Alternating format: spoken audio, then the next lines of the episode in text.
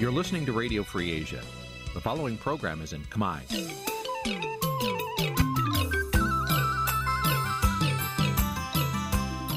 Nǐ chi càm bi tiệp xáy vệt chiu a zì sê ray នេះជាកម្មវិធីផ្សាយរបស់ Vithu Azisari ជាភាសាខ្មែរ វត្តឈូអាស៊ីសេរីសូមស្វាគមន៍លោកអ្នកនាងទាំងអស់ពីរដ្ឋធានី Washington នៃសហរដ្ឋអាមេរិក បាទផ្សាយផ្ទាល់ពីរដ្ឋធានី Washington សហរដ្ឋអាមេរិកខ្ញុំបាទមេរិតសូមជម្រាបសួរលោកអ្នកនាងកញ្ញាប្រិមមអ្នកស្ដាប់ Visual C ស្រីទាំងអស់ជាទីមេត្រីបាទយើងខ្ញុំសូមជូនកម្មវិធីផ្សាយសម្រាប់យប់ថ្ងៃអង្គារ12រោចខែមករាឆ្នាំខាលចត្វាស័កពុទ្ធសករាជ2566ដែលត្រូវនៅថ្ងៃទី20ខែធ្នូគ្រិស្តសករាជ2022បាទជាបន្តទៅទៀតនេះសូមអញ្ជើញលោកអ្នកនាងស្ដាប់ព័ត៌មានប្រចាំថ្ងៃដែលមានមេត្តាដូចតទៅ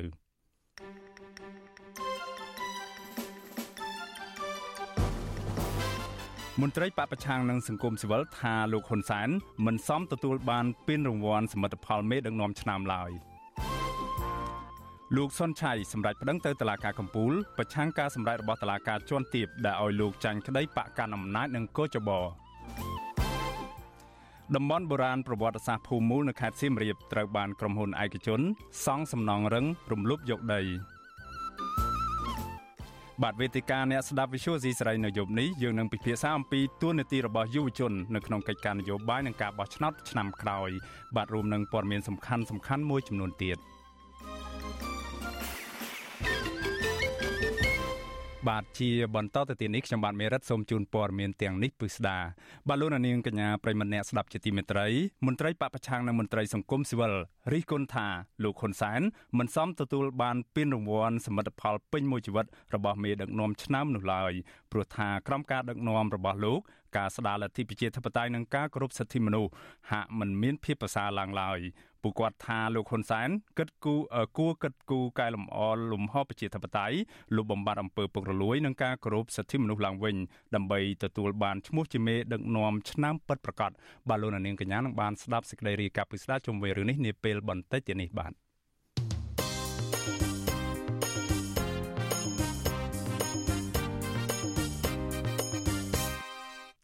បាទលោកនាងកញ្ញាជាទីមេត្រីលោកនាងប្រហែលជានៅចាំបានហើយសំណុំរឿងក្តីក្តាំបរហាកេដែលរដ្ឋាភិបាលលោកនាយរដ្ឋមន្ត្រីហ៊ុនសែនចោទប្រកាន់លោកសុនឆៃដែលជាអនុប្រធានគណៈបកភ្លើងទៀននោះឲ្យលោកចាញ់ក្តីនោះនៅពេលនេះលោកអនុប្រធានគណៈបកភ្លើងទៀនលោកសុនឆៃសម្រាប់ប្តឹងសារទុកទៅតុលាការកំពូលករណីលោកចាញ់ក្តីគណៈបកប្រជាជនកម្ពុជានិងគណៈកម្មាធិការជាតិរៀបចំការបោះឆ្នោតហៅកាត់ថាកោចបនៅក្នុងសំណុំរឿងបរហាកេពាក់ព័ន្ធទៅនឹងការបោះឆ្នោតឃុំសង្កាត់អាណត្តិទី5កន្លងទៅបាទចំណែកឯអ្នកនាំពាក្យគណៈបកកណ្ដាលអំណាចចោទប្រកាន់ថាបញ្ហាដែលកើតមានឡើងនេះព្រោះតែលោកសុនឆៃមិនបានរក្សាការស្ងៀមស្ងាត់ហើយចេះតែដើរនិយាយបរហាកេគណៈបកប្រជាជនកម្ពុជា បាទពីរដ្ឋធានី Washington លោកយុនសាមៀនរាយការណ៍ព័ត៌មាននេះបាទមេធាវីការពារក្តីឲ្យលោកសុនឆៃគឺលោកមេធាវីជួងជងីឲ្យវិទ្យុអាស៊ីសេរីដឹងនៅថ្ងៃទី20ខែធ្នូថាកូនក្តីរបស់លោកសម្រេចឲ្យលោករៀបចំប្តឹងសារទុកទៅតុលាការកំពូល ប្រឆាំងការសម្រេចរបស់សាឡាអូតូដែលបានកាត់ក្តីឲ្យលោកសុនឆៃ ចាញ់ក្តីគណៈបកប្រជាជនកម្ពុជានិងកោជបលោកមេធាវីជួងជងីឲ្យដឹងទៀតថាមកទល់ពេលនេះលោកមិនទាន់បានដាក់ពាក្យបណ្ដឹងទៅតុលាការកំពូល ជាផ្លូវការនៅឡើយទេព្រោះលោកមានធរៈចាំបាច់មួយចំនួនប៉ុន្តែលោកថាលោកនឹងដាក់បណ្ដឹងសារទុកនោះឲ្យស្របតាមនីតិវិធីរបស់តុលាការដែលមានរយៈពេល1ខែ ចាប់ពីពេលដែលសាឡាវតោប្រកាសសាលដីកាលើសំណុំរឿងនេះ សម្រាប់កាត់ដឹងសារទុកអត់តន់ជាក់លាក់ដែរពីព្រោះថាកិច្ចការអញ្ចឹងពីព្រោះខ្ញុំវារវល់ឬកិច្ចការផ្សេងៗច្រើនហើយនៅពេលដែលលេទេបានមួយថ្ងៃពីរថ្ងៃដាក់ផ្លប់ភ្លាមហ្មងអញ្ចឹងណាលោកមេធាវីមិនទាន់បង្ហាញក្តីរំពឹងបែបណាលើការសម្រេចរបស់តុលាការកំពូលនោះទេសាលាឧទ្ធរភ្នំពេញកាលពីថ្ងៃទី14ខែធ្នូបានរក្សាការសម្រេចរបស់តុលាការក្រុងភ្នំពេញទុកជាបានការ តឡាការជាន់ខ្ពស់មួយនេះនៅតែរក្សាឲ្យគណៈបកប្រជាជនកម្ពុជានិងកោជបបន្តឈ្នះក្តីលោកសុនឆៃដដែលស្លាវតក៏បានសម្រេចឲ្យលោកសុនឆៃបន្ថែមប្រាក់សំណងជំងឺចិត្តទៅគណៈបកកណ្ដាលអំណាចប្រមាណ30ម៉ឺនដុល្លារបន្ថែមទៀតលើប្រាក់ជំងឺចិត្តប្រមាណ75ម៉ឺនដុល្លារដែលតុលាការក្រុងភ្នំពេញសម្រេចឲ្យលោកសុនឆៃបង់ជូនគណៈបកប្រជាជនកម្ពុជា គណៈបកប្រជាជនកម្ពុជានិងកោជបបានប្តឹងលោកសុនឆៃពីបទបរាហាគេកាលពីខែមិថុនាក្រោយពេលលោក បានរិះគន់ថាការបោះឆ្នោតឃុំសង្កាត់អាណត្តិទី5កន្លងទៅមិនបានឆ្លោះបញ្ចាំងពីឆន្ទៈប្រជាពលរដ្ឋដោយមានការបំផិតបំភ័យនិងលួចបន្លំសន្លឹកឆ្នោតជាដើមតាក់ទងទៅនឹងរឿងនេះអ្នកនាំពាក្យគណៈបកប្រជាជនកម្ពុជាលោកសុកអេសានស្នើសុំទៅលោកសុនឆៃគួរយល់ព្រមទទួលយកការសម្រេចក្តីរបស់តុលាការកំពូល លោកបន្តថាគណៈបកកណ្ដាលអំណាចមិនចរចានឹងគណៈបកភ្លើងទៀនដើម្បីបញ្ចប់សំណុំរឿងនេះនោះទេបើសុនឆៃគាត់ពឹងផ្អែកទៅលើតឡាការកពូលទេ នៅពេលដែលតឡាការកពូលសម្រេចយ៉ាងម៉េចគឺសូមឲ្យសុនឆៃគោរពតាមការសម្រេចរបស់តឡាការកពូលទៅកុំឡំប៉ាតទៅទៀតអត់មានពាក់ព័ន្ធនយោបាយទេបើសុនឆៃកុំជីគេទៅវាអត់មានបញ្ហាអីទេកុំនិយាយបរិហាគេទេ ពាក់ព័ន្ធទៅនឹងរឿងនេះដែរអ្នកនាំពាក្យសមាគមការពារសិទ្ធិមនុស្សអាត់ហុកលោកសង្សានករណាស្នើទៅតុលាការកំពូល គួរសម្រេចក្តីដោយឈលលើអង្គហេតុអង្គច្បាប់និងភ័ស្តុតាងលោកយល់ថាបើតុលាការមានសុភវិនិច្ឆ័យតុលាការអាចនឹងផ្ដល់យុត្តិធម៌ដល់លោកសុនឆៃព្រោះលោកសង្កេតឃើញថាអ្វីដែលលោកសុនឆៃលើកឡើង ជាសេរីភាពនៃការបញ្ចេញមតិ សកម្មជនសង្គមអីជាដើមហ្នឹងអញ្ចឹងកាលណាបើមានការផ្ដល់យុតិធម៌បែបនេះវាមានផលចំណេញទៅដល់រដ្ឋាភិបាលនៃគណៈបកកណ្ដាលអំណាចទៅវិញទេដោយសារតែសហគមន៍អន្តរជាតិគេអាចយល់ឃើញថាវាជារឿងល្អមួយ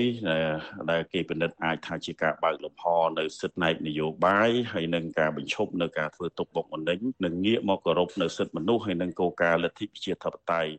ប្រសិនបើតុលាការកំពូលកាត់ក្តីឲ្យលោកសុនឆៃចាញ់ក្តីគណៈបកកណ្ដាលអំណាចនិងកោចបដដែលនោះតុលាការអាចនឹងរឹបអូសដីផ្ទះរបស់លោកសុនឆៃនៅរាជធានីភ្នំពេញមួយកន្លែង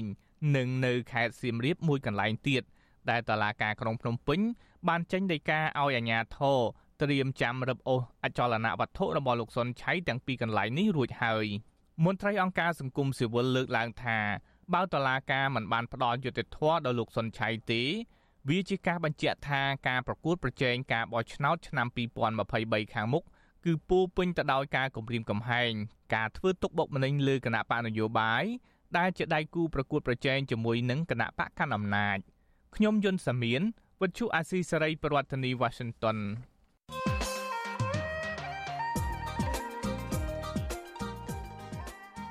បាទលោកនាងកញ្ញាប្រិមនៈស្ដាប់ជាទីមេត្រីការបោះឆ្នោតជ្រើសតាំងតំណាងរាស្ត្រនីតិកាលទី7នៅសល់រយៈពេលតែជាង6ខែទៀតប៉ុណ្ណោះបាទការបោះឆ្នោតនេះទំនងជារបបនយោបាយដ៏សំខាន់មួយពីព្រោះគណៈបកប្រជាជនកម្ពុជារបស់លោកនាយរដ្ឋមន្ត្រីហ៊ុនសែនកំពុងបញ្ចូលឈាមថ្មីទៅក្នុងក្បាលម៉ាស៊ីននៃថ្នាក់ដឹកនាំប្រទេសស្របពេលដែលគណៈបកប្រឆាំងវិញនៅតែរងការធ្វើទុកបុកម្នេញតាមគ្រប់រូបភាព។ បាទទន្ទឹមគ្នានេះស្ថាប័នរៀបចំការបោះឆ្នោតត្រូវគេមើលឃើញថាគ្មានឯករាជ្យនិងបន្តជាឧបករណ៍នយោបាយរបស់គណៈបកកណ្ដាលអំណាចស្ថិតនៅក្នុងបរិបទបែបនេះតើយុវជនមានតួនាទីសំខាន់បែបណាខ្លះចំពោះកិច្ចការស្រុកទេសរបស់ខ្លួន ជាពិសេសការបោះឆ្នោតនាពេលខាងមុខនោះបាទនេះគឺជាប្រធានបទដែលយើងនឹងលើកលើកយកមកជជែកពិភាក្សាគ្នានៅក្នុងនេតិវេទិកាអ្នកស្ដាប់វិទ្យុអស៊ីសេរីនៅយប់នេះដូច្នេះសូមលោកនាងកញ្ញាអញ្ជើញរងចាំតាមដានស្ដាប់និងទស្សនានេតិវេទិកាអ្នកស្ដាប់វិទ្យុអស៊ីសេរីនៅពេលបន្តិចទៀតនេះកុំបីខានហើយប៉ះសិនបើលោកនាងកញ្ញាចាប់អារម្មណ៍ចង់ចូលរួមបញ្ចេញមតិឬដាក់ជាសំណួរណាមួយនោះសូមអញ្ជើញលោកនាងកញ្ញាសរសេរជាឈ្មោះនិងលេខទូរស័ព្ទនៅក្នុងប្រអប់ខ្ទង់ comment នៃការផ្សាយផ្ទាល់របស់ Visual Asia ស្រីនៅលើបណ្ដាញសង្គម Facebook និង YouTube ហើយក្រុមការងាររបស់យើងនឹងតាក់ទងទៅលោកនាងវិញបាទសូមអរគុណ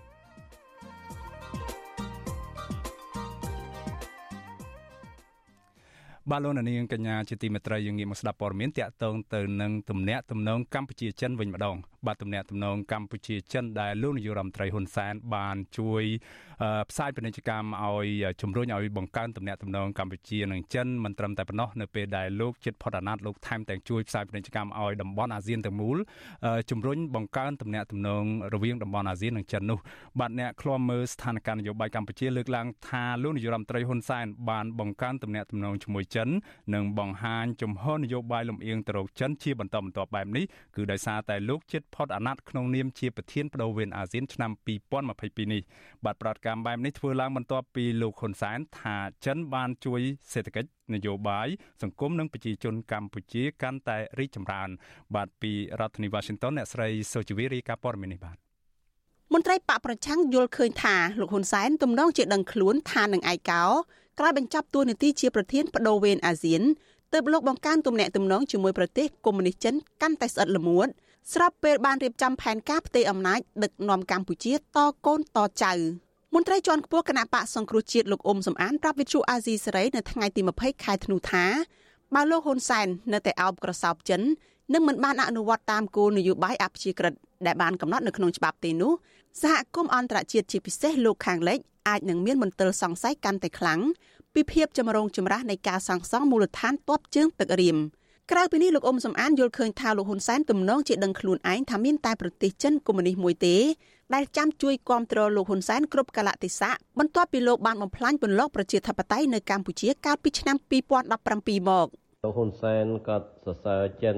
អោបកសោបចិនចាត់ទុកចិននឹងជាចៅហ្វាយរបស់ខ្លួនគាត់យល់ថាមានតែចិនមួយទេដែលអាចការពារអំណាចផ្ដាច់ការរបស់គាត់បានហើយឲ្យគាត់ផ្ទេរអំណាចដោយជោគជ័យពីគាត់ទៅគោលរបស់គាត់គឺលោកហ៊ុនម៉ាណែតណាគាត់កំពុងឯកោនៅលើឆាកអន្តរជាតិប្រទេសលោកសេរីដូចជាអាមេរិកសហភាពអឺរ៉ុបកំពុងដាក់ទណ្ឌកម្មមកលើរដ្ឋាភិបាលគាត់អញ្ចឹងមានចិននេះជួយការពារអំណាចរបស់គាត់ ប្រតិកម្មរបស់មន្ត្រីគណៈបកប្រឆាំងបែបនេះគឺធ្វើឡើងបន្ទាប់ពីលោកយមត្រីហ៊ុនសែនថ្លែងនៅក្នុងពិធីទទួលពានរង្វាន់សមិទ្ធផលពេញមួយជីវិតរបស់មេដឹកនាំឆ្នើមកាលពីថ្ងៃទី19ខែធ្នូនៅភ្នំពេញថា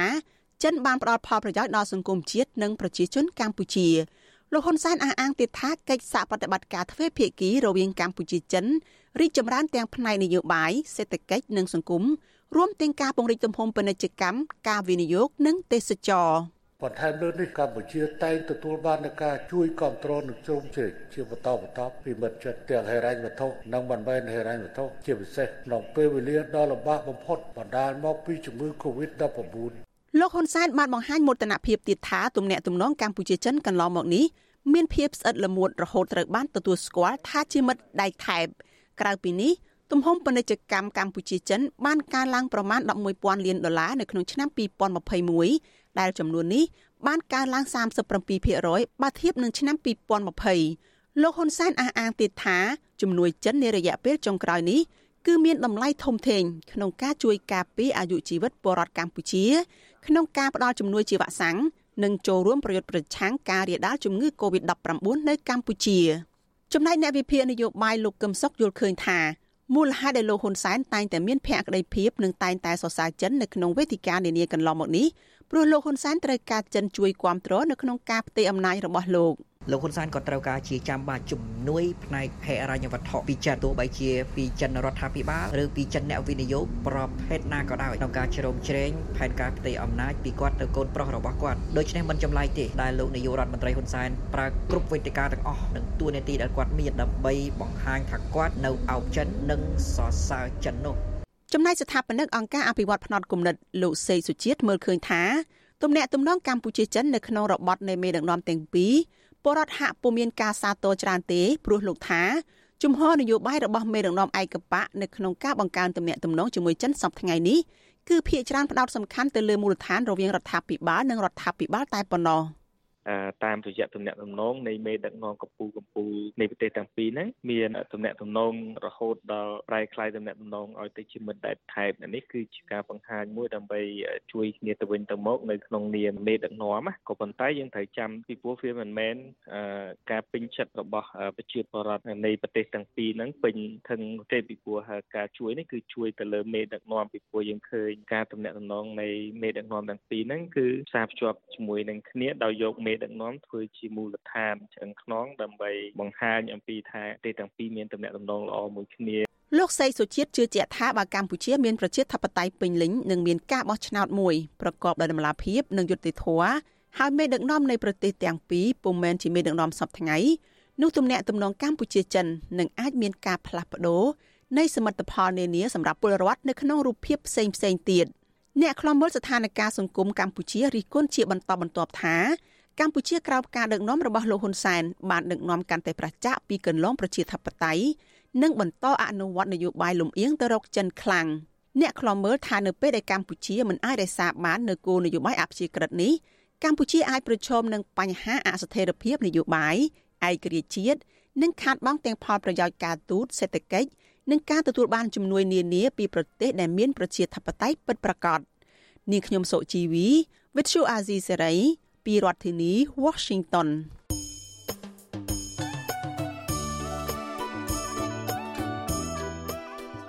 បាទលោកនាងកញ្ញាជាទីមេត្រីដំណើរគ្នានឹងស្ដាប់ការផ្សាយផ្ទាល់របស់ Visual Asia សេរីតាមបណ្ដាញសង្គម Facebook និង YouTube នៅពេលនេះលោកនាងក៏អាចស្ដាប់ការផ្សាយផ្ទាល់នេះនៅលើតាមរលកធាតុអាកាសខ្លីឬ Shortwave តាមកម្រិតនិងកម្ពស់ដូចតទៅនេះបាទពេលព្រឹកចាប់ពីម៉ោង5កន្លះដល់ម៉ោង6កន្លះតាមរយៈ post SW 9.39 MHz ស្មើនឹងកម្ពស់ 32m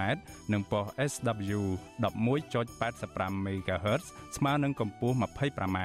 បាទពេលយប់ចាប់ពីម៉ោង7កន្លះដល់ម៉ោង8កន្លះតាមរយៈ post SW 9.39 MHz ស្មើនឹងកម្ពស់ 32m ប៉ុស SW 11.88 MHz ស្មើនឹងកម្ពស់ 25m និងប៉ុស SW 15.15 MHz ស្មើនឹងកម្ពស់ 25 20m បាទសូមអរគុណ បាទលោកនាងកញ្ញាជាទីមេត្រីយើងងាកមកស្ដាប់បន្តតាមដានរឿងតាក់ទងទៅនឹងករណីដែលលោកនាយរដ្ឋមន្ត្រីហ៊ុនសែនទទួលបានពានរង្វាន់ដែលគេហៅថាពានរង្វាន់សមិទ្ធផលពេញមួយជីវិតរបស់មេដឹកនាំឆ្នាំនោះបានមន្ត្រីបពប្រឆាំងនិងមន្ត្រីសង្គមស៊ីវិលរិះគន់ថាលោកហ៊ុនសែនមិនសមនឹងទទួលបានពានរង្វាន់នេះឡើយព្រោះក្រោមការដឹកនាំរបស់លោកការស្ដារលទ្ធិប្រជាធិបតេយ្យនិងការគោរពសិទ្ធិមនុស្សហាក់មិនមានភាពប្រសើរឡើងនោះឡើយបាទពួកគាត់ថាលោកហ៊ុនសែន គួរកិត្តគូកែលម្អលំហប្រជាធិបតេយ្យលោកបំបត្តិអំពើពុករលួយ និងគោរពសិទ្ធិមនុស្សឡើងវិញដើម្បីទទួលបានឈ្មោះជាមេដឹកនាំឆ្នាំពិតប្រាកដបាទពីរដ្ឋធានី Washington លោកទីនសាការីយ៉ារីកាព័រមីនីបាទគណៈបកប្រឆាំងនឹងមន្ត្រីសង្គមស៊ីវិលលើកឡើងថាលោកហ៊ុនសែនមិនទាន់គ្រប់លក្ខខណ្ឌទទួលបានពានរង្វាន់សមិទ្ធផលពេញមួយជីវិតរបស់មេដឹកនាំឆ្នើមដែលផ្ដល់ដោយវិជាស្ថានយុទ្ធសាស្ត្រសម្រាប់តំបន់អាស៊ីប៉ាស៊ីហ្វិកនៃប្រទេសម៉ាឡេស៊ីបានទេ ពីព្រោះក្រោមការដឹកនាំរបស់លោកមិនទាន់ឆ្លើយតបឲ្យដូចទៅនឹងអត្តន័យនៃពានរង្វាន់នេះនៅឡើយមន្ត្រីជាន់ខ្ពស់គណៈបកសង្គ្រោះជាតិលោកអ៊ុំសំអានប្រាប់វិទ្យុអាស៊ីសេរីនៅថ្ងៃទី20ធ្នូថាលោកចាត់ទុកការផ្ដល់ពានរង្វាន់ទៅមេដឹកនាំរូបនេះជាការគ្រប់គ្រងមេដឹកនាំផ្ដាច់ការលោកសង្កេតឃើញថារាល់ពានរង្វាន់ដែលលោកហ៊ុនសែនទទួលបានមិនដែលចេញពីស្ថាប័នវិជាស្ថានល្បីៗដែលទទួលស្គាល់ជាអន្តរជាតិនៅឡើយ។ លោកបន្តថាលោកហ៊ុនសែនចូលចិត្តយកពានរង្វាន់คล้ายៗទាំងនោះទៅបង្អួតប្រាប់ប្រជាពលរដ្ឋកម្ពុជាថាលោកជាមេដឹកនាំល្អនឹងទទួលបានពានរង្វាន់នឹងការកោតសរសើរដោយមានការជួយបន្តពីមន្ត្រីបរិវារនៅជុំវិញលោក ព្រោះខ្ញុំដឹងហើយលោកហ៊ុនសែនក៏បំផ្លាញប្រជាធិបតេយ្យហើយនឹងមានការរំលោភសិទ្ធិមនុស្សយ៉ាងធ្ងន់ធ្ងរនៅកម្ពុជាបាទឆ្នេះមានដំណើរបដិការអញ្ចឹងមិនសមនឹងទទួលបានពានរង្វាន់ពីអង្គការឬវិទ្យាស្ថានដែលល្បីល្បីដែលគេទទួលស្គាល់ជាលក្ខណៈអន្តរជាតិនោះទេការផ្ដល់ពានរង្វាន់សមិទ្ធផលពេញមួយជីវិតរបស់មេដឹកនាំឆ្នើមធ្វើឡើងដោយផ្អែកលើការសិក្សានិងវិតម្លៃទៅលើលក្ខណៈសម្បត្តិនៃការដឹកនាំរបស់មេដឹកនាំនិងសមិទ្ធផលទាំងឡាយដែលកើតចេញពីការដឹកនាំនោះ ក្នុងពិធីទទួលពានរង្វាន់កាលពីថ្ងៃទី19ធ្នូក្នុងកិច្ចប្រជុំកំពូលបច្ចេកវិទ្យានិងសេដ្ឋកិច្ចចិនសកល នៅវិមានសន្តិភាពលន់សានទទួលបានពានរង្វាន់មានរូបរាងជាថូផ្កាពណ៌លឿងពីប្រធានវិជាស្ថានយុទ្ធសាស្ត្រសម្រាប់តំបន់អាស៊ីប៉ាស៊ីហ្វិកលោកតាន់ស្រីមីឆែលនិងទទួលសញ្ញាបត្រពីលោកតាន់ស្រីបាជីតខានវិជាស្ថានយុទ្ធសាស្ត្រសម្រាប់តំបន់អាស៊ីប៉ាស៊ីហ្វិកកន្លងមកធ្លាប់បានប្រកល់ពានរង្វាន់កិត្តិយស ជាលើកដំបូងដល់ពាណិជ្ជករម៉ាឡេស៊ីនិងអេសរជនអន្តរជាតិដទៃទៀតរួមទាំងនាយករដ្ឋមន្ត្រីឡាវលោកថនលូនស៊ីសូលីតជាដើមជំវិញនឹងរឿងនេះវិទ្យុអាស៊ីសេរីមិនអាចតាក់ទងប្រធានអង្គភិបអ្នកនាំពាក្យរដ្ឋាភិបាលលោកផៃសិផាន និងអ្នកនាំពាក្យគណៈបកប្រជាជនកម្ពុជា លោកសុកអេសាន ដើម្បីសំសួរអំពីបញ្ហានេះបានឡើយទេរីឯប្រធានវិជាស្ថានយុទ្ធសាស្ត្រសម្រាប់តំបន់អាស៊ីប៉ាស៊ីហ្វិកនៃប្រទេសម៉ាឡេស៊ី វិទ្យុអសិរ័យក៏មិនអាចតាក់ទងដើម្បីសំសួរអំពីបញ្ហានេះបានឡើយដែរនៅថ្ងៃទី20ធ្នូនេះប៉ុន្តែលោកហ៊ុនសែនបានសរសេររៀបរាប់នៅលើទំព័រ Facebook របស់លោកថាវិជាស្ថានបានកត់សម្គាល់ពីភាពប៉ិនប្រសប់ឆ្លៀសវៃនិងពោពេញដោយឆន្ទៈមនសិការភក្តីភាពយ៉ាងមុតមមចំពោះជាតិ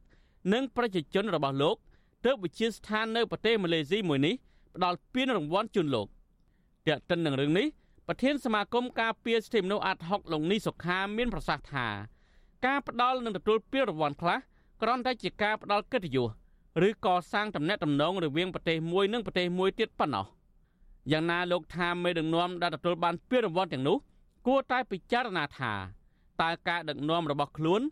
ស័កសមឬឆ្លើយតបទៅនឹងអត្ថន័យនៃពានរង្វាន់នោះដែរឬទេលោកមើលឃើញថាការដឹកនាំនៅកម្ពុជាមានការខ្វះខាតច្រើន មិនទាន់ឆ្លើយតបជាវិជ្ជមាន ទៅនឹងគោលការណ៍គោរពសិទ្ធិមនុស្សសិទ្ធិជាមូលដ្ឋានរបស់ប្រជាពលរដ្ឋនិងប្រជាធិបតេយ្យហើយបញ្ហានេះរហូតត្រូវបានអង្គការអន្តរជាតិដាក់ចំណាត់ថ្នាក់កម្ពុជានៅក្នុងប្រទេសមាននីតិរដ្ឋទាបបំផុតពានរង្វាន់ជារឿងមួយប៉ុន្តែរឿងការដឹកនាំដែលសំខាន់ដែលជាការឆ្លើយតបធ្វើឲ្យប្រជាពលរដ្ឋកម្ពុជាឬក៏ប្រជាពលរដ្ឋនៅប្រទេសរបស់ខ្លួនរស់នៅដោយមានការទទួលស្គាល់ ការគោរពសិទ្ធិមនុស្សយុត្តិធម៌ក្នុងសង្គមនិងសមភាពចំពោះមុខច្បាប់ឬក៏ស្មារតីគ្នាចំពោះការអភិវឌ្ឍណាមានការបែងចែកភាគផលដែលឆ្លើយតបពីការអភិវឌ្ឍនឹងបានប្រជាពលរដ្ឋរស់នៅមានជីវភាពធូរធាររុងរឿងអានោះវាជារឿងសំខាន់សម្រាប់ប្រទេសយើងកាលពីថ្ងៃទី12ខែកុម្ភៈលោកហ៊ុនសែនក៏ធ្លាប់បានទទួលពានរង្វាន់សន្តិភាពសុនហៈពីអង្គការសហព័ន្ធសន្តិភាពសកលដែរនៅទីក្រុងសេអ៊ូលប្រទេសកូរ៉េខាងត្បូង ពីប្តីប្រពន្ធជនជាតិកូរ៉េទាំងពីរគឺលោកសុនមយូមូននិងអ្នកស្រីហាក់ចាហានមូនប៉ុន្តែសារព័ត៌មានអង់គ្លេសធ្លាប់បានចុះផ្សាយថាប្តីប្រពន្ធជនជាតិកូរ៉េទាំងពីរនាក់នោះគឺជាក្រុមមនុស្សឆោបោក និងជាមនុស្សមិនគ្រប់ទឹកហើយតែងតែមានទំនាក់ទំនងជិតស្និទ្ធនិងតែងតែបង្កើតពានរង្វាន់សម្រាប់ក្រុមមេដឹកនាំមួយចំនួនដែលក្រាញអំណាចពុករលួយនិងរងការរិះគន់ពីការរំលោភសិទ្ធិមនុស្សជាដើមលើសពីនេះលោកសុនមយងមូន ក៏ធ្លាប់មានប្រវត្តិជាប់គុកនៅសហរដ្ឋអាមេរិករយៈពេល18ខែដោយសារតែអំពើទុច្ចរិតរបស់លោកទន្ទឹមនឹងនោះពលរដ្ឋខ្មែររស់នៅប្រទេសកូរ៉េខាងត្បូងក៏មិនពេញចិត្តចំពោះការប្រកល់ពានរង្វាន់នេះដែរហើយពេលនោះពួកគេបាននាំគ្នាធ្វើបាតកម្មប្រឆាំងនៅលោកហ៊ុនសែនដែលពួកគាត់ចាត់ទុកថា ជាមេដឹកនាំផ្ដាច់ការរំលោភសិទ្ធិមនុស្សនិងបំផ្លាញលទ្ធិប្រជាធិបតេយ្យខ្ញុំទីនសាការីយ៉ាអស៊ីសេរីប្រធានីវ៉ាស៊ីនតោន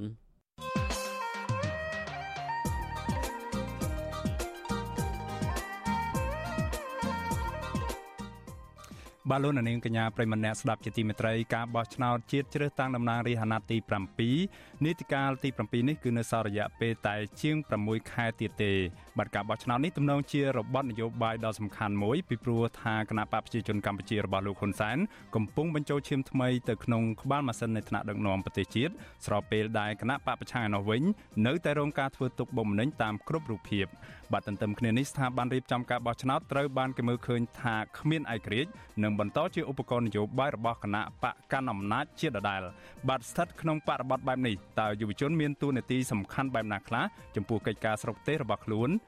ជាពិសេសចំពោះការបោះឆ្នោតជាតិនាពេលខាងមុខនេះបាទនេះគឺជាប្រធានបទដែលយើងនឹងលើកយកមកជជែកពិភាក្សាគ្នានៅក្នុងនេតិវេទិកាអ្នកស្ដាប់វិទ្យុអេស៊ីសេរីនាយប់នេះបាទប្រសិនបើលោកនាងចាប់អារម្មណ៍ចង់ចូលរួមដាក់ជាសំណួរឬអត្ថាធិប្បាយជុំវិញរឿងនេះបាទសូមអញ្ជើញលោកនាងផ្ដល់ឈ្មោះនិងមតិឈ្មោះនិងលេខទូរស័ព្ទរបស់លោកនាងនៅក្នុងប្រអប់ខ្ទង់ comment នៃការផ្សាយផ្ទាល់របស់វិទ្យុអេស៊ីសេរីនៅលើបណ្ដាញសង្គម Facebook និង YouTube នៅពេលនេះហើយក្រុមការងាររបស់យើងនឹងនឹងហៅទូរស័ព្ទទៅលោកនាងដើម្បីអញ្ជើញចូលរួមនៅក្នុងកម្មវិធីផ្សាយផ្ទាល់នៅពេលនេះបាទសូមអញ្ជើញលោកនាងរងចាំស្ដាប់នេតិវេទិកាអ្នកស្ដាប់វិទ្យុអេស៊ីសេរីជុំវិញប្រធានបទនេះនាពេលបន្តិចទៀតនេះបាទ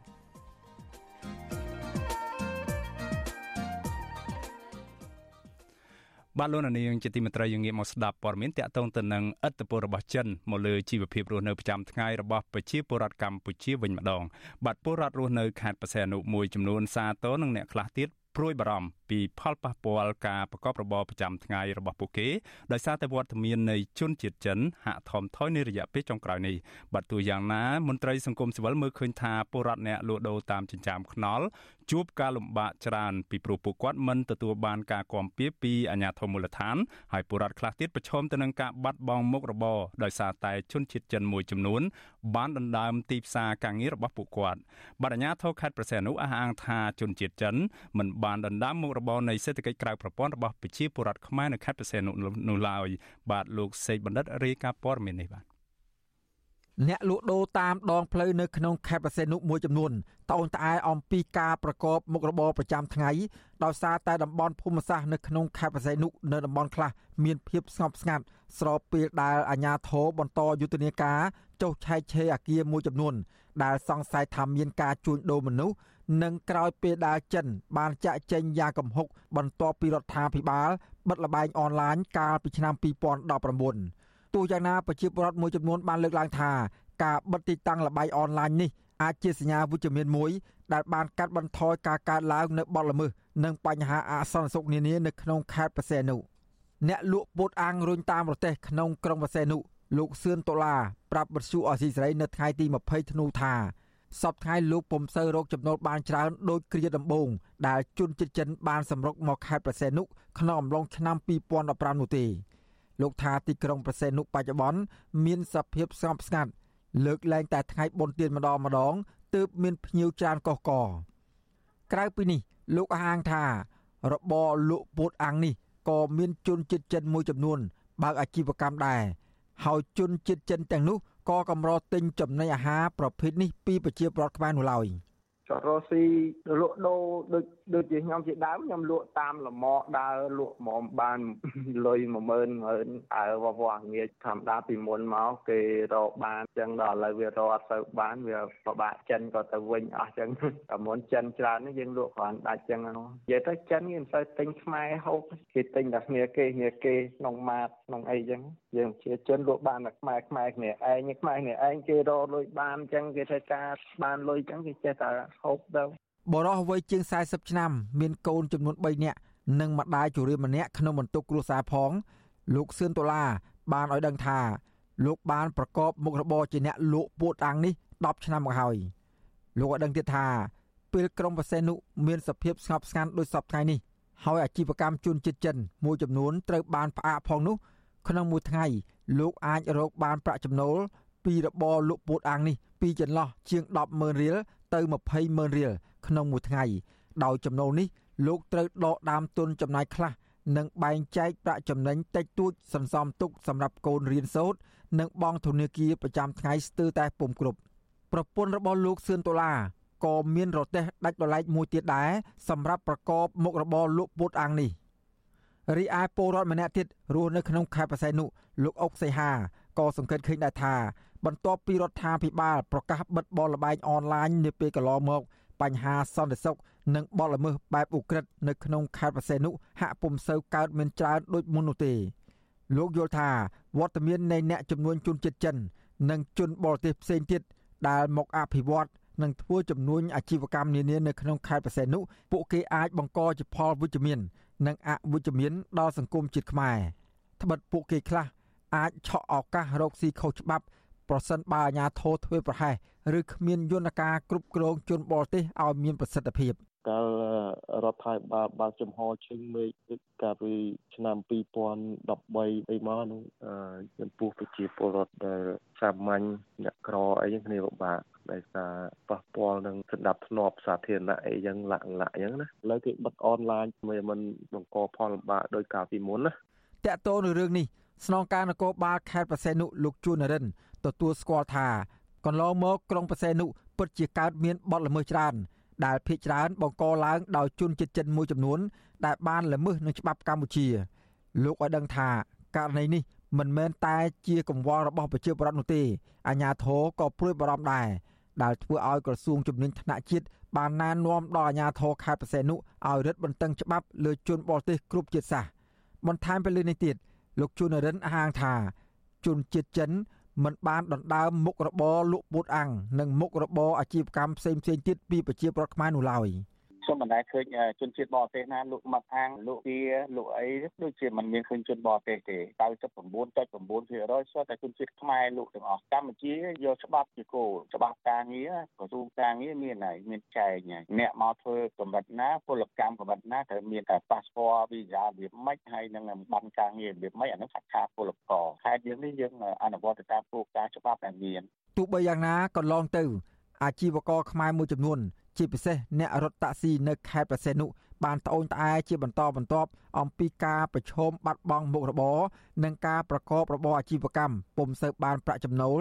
ដោយសារតែជនជាតិចិនមួយចំនួនបានដណ្ដើមអាជីពរបស់ពួកគាត់មន្ត្រីសង្គមស៊ីវិលតែងតែស្នើសុំដល់រដ្ឋាភិបាលថាគួរតែមានយន្តការច្បាស់លាស់ក្នុងការគ្រប់គ្រងជនបរទេសទាំងនោះ ដើម្បីផ្ដល់សិទ្ធិនិងកិច្ចគាំពៀសង្គមដល់ពលរដ្ឋជាម្ចាស់ស្រុក ដែលជាអ្នកប្រកបរបរសេដ្ឋកិច្ចក្រៅប្រព័ន្ធរបាយការណ៍ស្នងការនគរបាលខេត្តប្រសេនុកាលពីឆ្នាំ2019បង្ហាញថាអាជីវកម្មមួយចំនួនរួមមានសន្តាគារនិងផ្ទះសំណាក់ចំនួនជាង100កន្លែងគ្រប់គ្រងដោយជនជាតិចិនទាំងស្រុង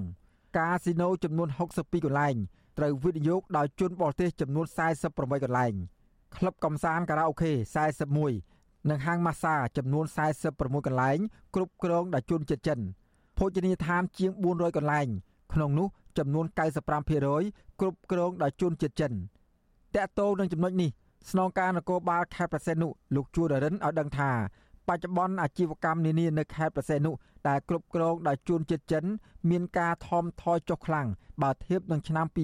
2019ដោយសារពួកគេខ្លះបានផ្អាកមុខរបរនិងខ្លះទៀតបានបិទហាងភោជនីយដ្ឋានក្រោយការរីករាលដាលនៃជំងឺ Covid-19 ជុំវិញរឿងនេះអ្នកសម្របសម្រួលសមាគមការពារសិទ្ធិមនុស្សអាត6ប្រចាំខេត្តបរសេនុអ្នកស្រីជាបសុធារីមានប្រសាសន៍ថាក្រោយអាជ្ញាធរបើកយុទ្ធនាការចុះឆែកឆេរអាគារនានាក្នុងក្រុងបរសេនុដែលសង្ស័យថាមានអំពើជួញដូរមនុស្សនោះពីមួយថ្ងៃទៅមួយថ្ងៃខេត្តជាប់មាត់សមុទ្រមួយនេះមានសភាពស្ងប់ស្ងាត់អ្នកស្រីឲ្យដឹងទៀតថាថ្មីត្បិតតំបន់ខ្លះទៀតម្ចាស់អាគារសហគ្រាសបានបើកដំណើរការវិញក្តី ប៉ុន្តែពលរដ្ឋអ្នកលក់ដូរតាមដងផ្លូវនៅជួបការលំបាកច្រើនដោយសារតែអាជ្ញាធរបានរឹតបន្តឹងច្បាប់ អ្នករត់ម៉ូតូដប់ឬក៏រត់ផាសអេតអីហ្នឹងគាត់មានការស្អូនក្អែដែរហើយអាអ្នកលក់ដូរកំពេចកំប៉ុកនៅតាមផ្ទះឬក៏តាមចាំថ្នល់ឬក៏លក់តាមប្រទេសអីក៏គាត់ពិបាកដែរនៅពេលនេះគឺឃើញថាអាជ្ញាធរខេត្តលោកបានរឹតបន្តឹងអាការលក់ដូរនឹងដែរព្រោះចង់ឲ្យឋានភាពនិងសោភ័ណភាពនិងការសម្អាតបរិស្ថានសោភ័ណភាពទីក្រុងព្រោះយើងឃើញថាខេត្តផ្សេងនោះនឹងមានភ្ញៀវទេសចរហើយក៏ត្រូវបានរដ្ឋាភិបាលធ្វើការជ្រើសរើសថាជាទីកន្លែងប្រពនៅពិធីកិច្ចប្រជុំផ្សេងផ្សេងក្នុងក្នុងអាណត្តិការដឹកនាំបរដ្ឋាភិបាលជាប្រធានអាស៊ានរបាយការណ៍របស់នគរបាលជាតិនៃក្រសួងមហាផ្ទៃបានបង្ហាញថាគិតត្រឹមចុងឆ្នាំ2019មានជនជាតិចិនចំនួនប្រមាណ250,000នាក់រស់នៅកម្ពុជា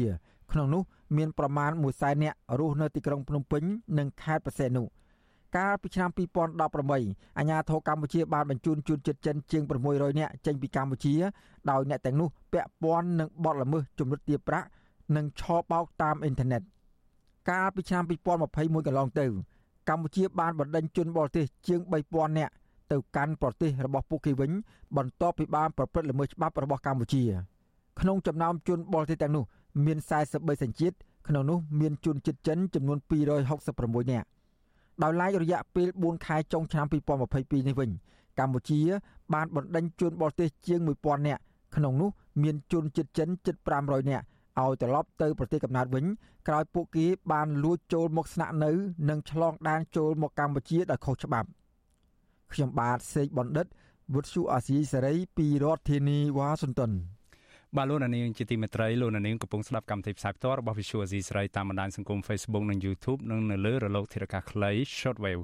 បាទ ព័ត៌មានដាច់ដライមួយទៀតតំបន់ប្រវត្តិសាស្ត្រភូមិមូលជើងឯកឬហៅថាស្ថានីយ៍បន្ទាយគូដែលជាអត្តសញ្ញាណប្រវត្តិសាស្ត្រដ៏មានតម្លៃស្ថិតនៅក្នុងរាជធានីភ្នំពេញត្រូវបានក្រុមហ៊ុន Chipmong របស់អង្គការជំទាវភៀបភៀករំលោភយកទាំងស្រុងដើម្បីអភិវឌ្ឍអគារគ្រប់គ្រងជាសម្បត្តិបុគ្គលបាត់ក្រុមយុវជននិងពលរដ្ឋទាមទារឲ្យក្រសួងវប្បធម៌ទទួលខុសត្រូវចំពោះរឿងនេះបាទលោកនាងកញ្ញានឹងបានស្ដាប់សេចក្តីរាយការណ៍ពីស្ដាប់ជុំវិញរឿងនេះនៅព្រឹកស្អែក thank you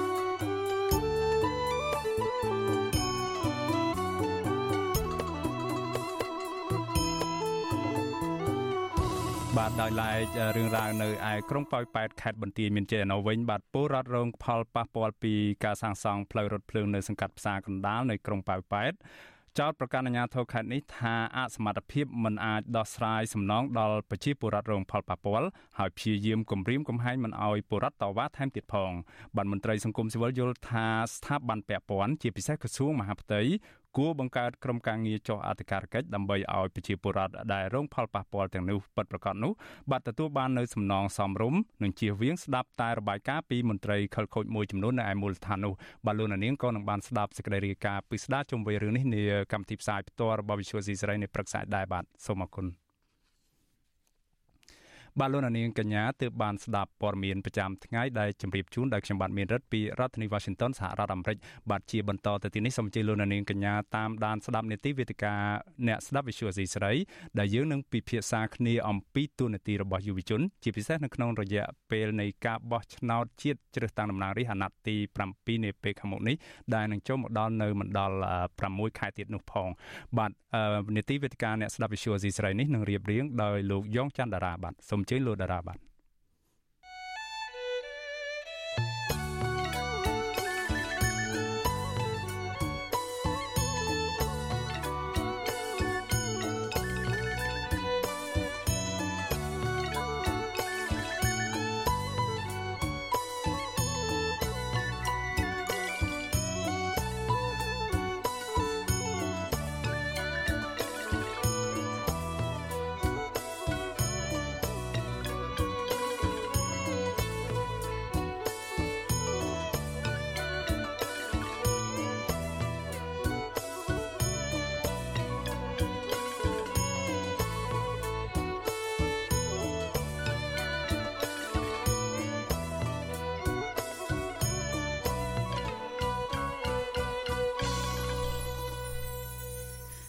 បាទខ្ញុំបាទយ៉ងច័ន្ទដារាសូមជម្រាបសួរលោកអ្នកនាងអ្នកស្ដាប់វិទ្យុអាស៊ីសេរីទាំងអស់ជាទីមេត្រីបាទកម្មវិធីជាបន្តទៅទៀតនេះគឺជានីតិវេទិកាអ្នកស្ដាប់វិទ្យុអាស៊ីសេរី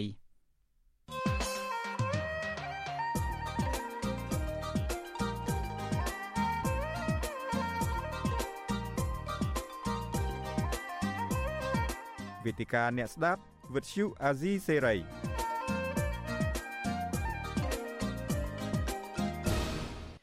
បាទខ្ញុំបាទយ៉ងច័ន្ទដារាសូមជម្រាបសួរលោកអ្នកនាងទាំងអស់ជាថ្មីម្ដងទៀតបាទ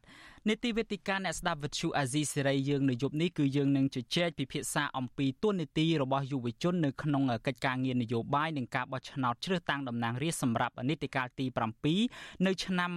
2023ខាងមុខហើយយើងមានវាគ្មិនកិត្តិយសអញ្ជើញចូលរួមជាមួយយើងចំនួន3រូបដែលសុទ្ធសឹងតែជាយុវជន ទី1គឺលោកហេងកំហុងដែលលោកគឺជាប្រធានផ្នែកកម្មវិធីស្រាវជ្រាវនិងតស៊ូមតិនៃសមាគមបណ្ដាញយុវជនកម្ពុជា ហើយទី2គឺកញ្ញាធួនស្រីពៅជានិស្សិតផ្នែកអភិវឌ្ឍសហគមន៍និងជាយុវជនសកម្មហើយនឹងទី3គឺកញ្ញាហេងកំសួរដែលជានិស្សិតផ្នែកច្បាប់ហើយនឹងក៏ជាយុវជនដ៏សកម្មមួយរូបដែរខ្ញុំបាទសូមជម្រាបសួរយុវជនទាំង3បាទបាទសូមជម្រាបសួរបាទបាទ យើងបានភ្ជាប់ទាំងអស់គ្នាតាមប្រព័ន្ធ Skype ហើយខ្ញុំបាទពេលនេះក៏បានឃើញទាំងអស់គ្នាទាំង3នាក់ដែរគឺលោកហេងកំហុងហើយកញ្ញាធួនស្រីពៅនិងកញ្ញាហេងកំសួរហើយខ្ញុំសូមអរគុណវិក្កាមទាំង3មែនទែនដែលបានអញ្ជើញចូលរួមក្នុងកម្មវិធីរបស់យើងនៅរាត្រីនេះដែលយើងនឹងជជែកពិភាក្សាជាពិសេសទៅលើទួនាទីរបស់យុវជននៅក្នុងកិច្ចការងារនយោបាយនិងការបោះឆ្នោតជ្រើសតាំងតំណាងរាស្ត្រដែលកាន់តែខិតជិតចូលមកដល់ហើយនោះបាទបាទមុននឹងជជែកចូលទៅដល់សាច់រឿងរបស់យើងខ្ញុំបាទគ្រាន់តែចង់ជូនសាវតារឿងមួយចំនួនពាក់ព័ន្ធទៅនឹងរឿងយុវជនហើយនឹងនយោបាយព្រមទាំងការបោះឆ្នោតនេះគឺយើងឃើញថាការបោះឆ្នោតជ្រើសតាំងតំណាងរាស្ត្រនីតិកាលទី7គឺថាកាន់តែខិតជិតចូលមកដល់ហើយគឺនៅសល់តែប្រមាណ6ខែទៀតប៉ុណ្ណោះអឺហើយការបោះឆ្នោតនេះគឺទំនងជារបត់នយោបាយដ៏សំខាន់ពីព្រោះយើងឃើញថាគណៈបកប្រជាជនកម្ពុជារបស់លោកហ៊ុនសែនកំពុងតែបញ្ជ្រាប យុវជនឬមួយក៏ឈាមថ្មីនឹងនៅក្នុងជួរថ្នាក់ដឹកនាំឬមួយក៏ក្បាលម៉ាស៊ីនដឹកនាំនៃរដ្ឋាភិបាលខាងមុខទៀតនឹងស្របពេលដែលគណៈបកប្រឆាំងដែលមានសក្តានុពលមួយគឺគណៈបកភ្លើងទៀននឹងគឺកំពុងតែរងការគៀបសង្កត់ឬមួយក៏ការធ្វើទុកបុកម្នេញជាច្រើនរូបភាពបាទ ហើយយើងឃើញថាបើទោះបីជាការបោះឆ្នោតនឹងកាន់តែខិតជិតចូលមកដល់ក៏ដោយនឹងគឺថារបាយការណ៍ស្ទង់មតិថ្មីមួយដែលអង្គការដំឡាភិបកម្ពុជាបានចេញផ្សាយការពីពេលថ្មីថ្មីនឹងគឺបង្ហាញថាយុវជនខ្មែរមួយចំនួនអាចថាភិកច្រើនផងដែលចូលរួមនៅក្នុងរបាយការណ៍ស្ទង់មតិនឹងគឺពួកគាត់មិនចាប់អារម្មណ៍ទៅនឹងរឿងនយោបាយទេហើយមូលហេតុដែលពួកគាត់មិនសូវចាប់អារម្មណ៍ទៅនឹងរឿងនយោបាយនឹងគឺជាហេតុផលមួយដែលយើងតែងតែលើជាទូទៅទីមួយគឺគាត់គិតថាគាត់នៅក្មេងពេកមិនគួរយល់ដឹងរឿងនយោបាយហើយទី2នឹងគឺថាអ្នកខ្លះថា វាជារឿងគ្រោះថ្នាក់ដែលពួកគាត់អត់ចាំបាច់គិតគូរអីទេហើយសង្គមគ្រួសាររបស់ពួកគាត់ហ្នឹងក៏មិនមិនបានលើកទឹកចិត្តឲ្យពួកគាត់ហ្នឹងចូលរួមនៅក្នុងរឿងនយោបាយនេះដែរនេះគ្រាន់តែជាសាវតាមួយចំនួនដែលខ្ញុំចង់ជម្រាបជូនហើយអញ្ចឹងខ្ញុំចង់ងាកទៅវាគ្មិនរបស់យើងតែម្ដងទៅខ្ញុំចង់ចាប់ផ្ដើមពីកញ្ញាហេងកំសួរមុនដោយសារកញ្ញាហេងកំសួរគឺថាជាយុវជនសកម្មមួយរូបក្នុងកិច្ចការងារសង្គមនឹងដែរហើយក៏ជាអ្នករៀនផ្នែកច្បាប់ទៅទៀតចង់ឲ្យកញ្ញាហេងកំសួរចាប់អារម្មណ៍ពីទស្សនវិជ្ជានយោបាយបាយរបស់យើងនាពេលបច្ចុប្បន្ននេះថាតើវាមានលក្ខណៈយ៉ាងដូចម្ដេចដែរហើយឆ្ពោះទៅរកការបោះឆ្នោតនៅពេលខាងមុខហ្នឹងតើកញ្ញាមានទស្សនៈយ៉ាងណាដែរបាទចាសូមជម្រាបសួរម្ដងទៀតបងចន្ទរានិងសូមជម្រាបសួរពុកម៉ែបងប្អូនដែលស្ដាប់វិទ្យុអាស៊ីសេរីទាំងអស់គ្នាអើយសម្រាប់នាងខ្ញុំខ្ញុំមានទស្សនៈថា ការបោះឆ្នោតខាងមុខនេះគឺពិតជាសំខាន់ខ្លាំងមែនទែនក្នុងការដែលយុវជនយើងអើយមានទស្សនៈដើម្បីចូលរួមក្នុងការបោះឆ្នោតដោយសារថាសម្លេងរបស់យុវជនយើងគឺនៅក្នុងប្រទេសកម្ពុជាយើងហ្នឹងគឺពិតជាច្រើនជាងអឺដោយលើសលប់ជាងអើយ មនុស្សចាស់ចឹងទៅ យើងគួរតែចូលរួមឲ្យបានច្រើនកកកដោយសារតែសញ្ញាឆ្នោតរបស់យើងមួយសញ្ញាមួយសញ្ញាគឺពិតជាមានតម្លៃខ្លាំងមែនទែនក្នុងការដែលយើងអាចផ្លាស់ប្រែប្រទេសជាតិរបស់យើងបានចា៎បាទ អរគុណគឹមសួរខ្ញុំចង់ជូនសំណួរដូចគ្នានេះទៅកាន់ស្រីពៅម្ដងគឹមហុងចាំបន្តិចពីព្រោះគឹមហុងយើងធ្លាប់ជួបគ្នាញឹកញាប់ណាស់សម្រាប់ស្រីពៅហើយនិងគឹមសួរគឺថ្មីមែនតែនសម្រាប់វេទិការបស់យើងនេះស្រីពៅចាប់អារម្មណ៍យ៉ាងម៉េចដែរចំពោះស្ថានភាពនយោបាយនៅមុនការបោះឆ្នោតនេះបាទចាជាដំបងជម្រាបសួរបងហើយក៏ជម្រាបសួរទៅដល់បងប្អូនទាំងអស់ដែលចូលរួមស្ដាប់នៅវិទ្យុអាស៊ីសេរីថ្ងៃនេះ ហើយចំពោះខ្ញុំខ្ញុំគិតថាស្ថានភាពនយោបាយមុនណាពេលបោះឆ្នោតហ្នឹងរៀងដូចនៅតាមភូមិឃុំសង្កាត់របស់យើងដូចរៀងវឹកវរដូចអាសកម្មភាពអាសកម្មភាពអឺអាចថាតែខប៊ីចេងអីហ្នឹងចេះតែទៅដល់បដៅបដៅហើយហើយក្នុងនាមខ្ញុំដែលជាយុវជនហើយក៏យុវជនផ្សេងផ្សេងទៀតពលរដ្ឋផ្សេងផ្សេងទៀតហ្នឹងគាត់ត្រូវតា ព្យាយាមផ្ទៀងមើលអាសកម្មភាពហើយក៏ដូចជាកតាបភារកិច្ចរបស់ខ្លួនឯងទៅទៅចូលរួមបោះឆ្នោតហ្នឹងព្រោះយើងគឺជាម្ចាស់ប្រទេសជាសម្លេងនៃជាម្ចាស់សម្លេងឆ្នោតយើងត្រូវតាយកចាត់ទុកដាក់មើលហើយក៏យកចាត់ទុកដាក់ក្នុងការចូលរួមបោះឆ្នោតទាំងអស់គ្នាព្រោះសម្លេងរបស់យើងសំខាន់ក្នុងការអាចថាជាសម្លេងមួយក្នុងការផ្លាស់ប្ដូរឬក៏ជាសម្លេងមួយក្នុងការជ្រើសរើសតំណាងរាស្ត្រដែលខ្លួនឯងស្រឡាញ់ខ្លួនឯងពេញចិត្តដើម្បីឲ្យប្រទេសរបស់យើងនឹងមានការអភិវឌ្ឍទៅមុខ កាន់តែល្អបាទ អរគុណស្រីពៅមុននេះគឺគឹមសួរបានលើកឡើងពីរឿងថាយុវជន មានទួនាទីសំខាន់ក្នុងការបោះឆ្នោតដែលកាន់តែខិតជិតចូលមកដល់ហើយស្រីពៅវិញចាប់អារម្មណ៍ទៅលើចំណុចថាមានត្រីខមានប៊ីចេងអីចាប់ផ្ដើមទៅដល់មូលដ្ឋានជាបណ្ដាបណ្ដាហើយប្រហែលជាកញ្ញាចង់សម្ដៅទៅលើការផ្ដល់ជាអំណោយពីសំណាក់គណៈបកមួយចំនួនជាពិសេសគណៈបកកណ្ដាលអំណាចនឹងដែលយើងធ្លាប់ដឹងកន្លងមកគឺថាមានក្រៅពីស្កប៊ីចេងអំបិលហ្នឹងគឺមានសរងមានកម្មាមាននេលកាដៃហ្នឹងគឺថាតែងតែធ្លាក់ទៅដល់ហើយនៅពេលមុនបោះឆ្នោតខ្ញុំចង់ងាកទៅគឹមហុងវិញគឹមហុងជួយចាប់អារម្មណ៍បន្តិចទៀតមកអំពីស្ថានភាពនយោបាយនៅមុនការបោះឆ្នោតនេះថាតើមានស្ថានភាពបែបណាខ្លះដែរបាទគឹមហុងបាទបាទសម្រាប់ខ្ញុំនៅក្នុងអាណត្តិកន្លងមកនេះខ្ញុំមានការកត់សម្គាល់មួយក្រោមការដឹកនាំរដ្ឋាភិបាលដោយគណៈដោយដោយរដ្ឋសភាឯកបៈរំនៃគណៈបព្វជិជនកម្ពុជាខ្ញុំហៅថាឯកបៈដោយសារតែអត់មានបកផ្សេងទេនៅក្នុង សភាដែលជាប់ឆ្នោតនីតិកាលកន្លងមកនេះហើយយើងឃើញថាជាពិសេសក្រោយការរលំរលាយនៃគណៈបក្សប្រជាជាតិដោយសារតែការរំលាយរបស់តឡាកម្មការកម្ពុជាយើងឃើញថាស្ថានភាពនយោបាយហាក់បីដូចជាស្ងប់ស្ងាត់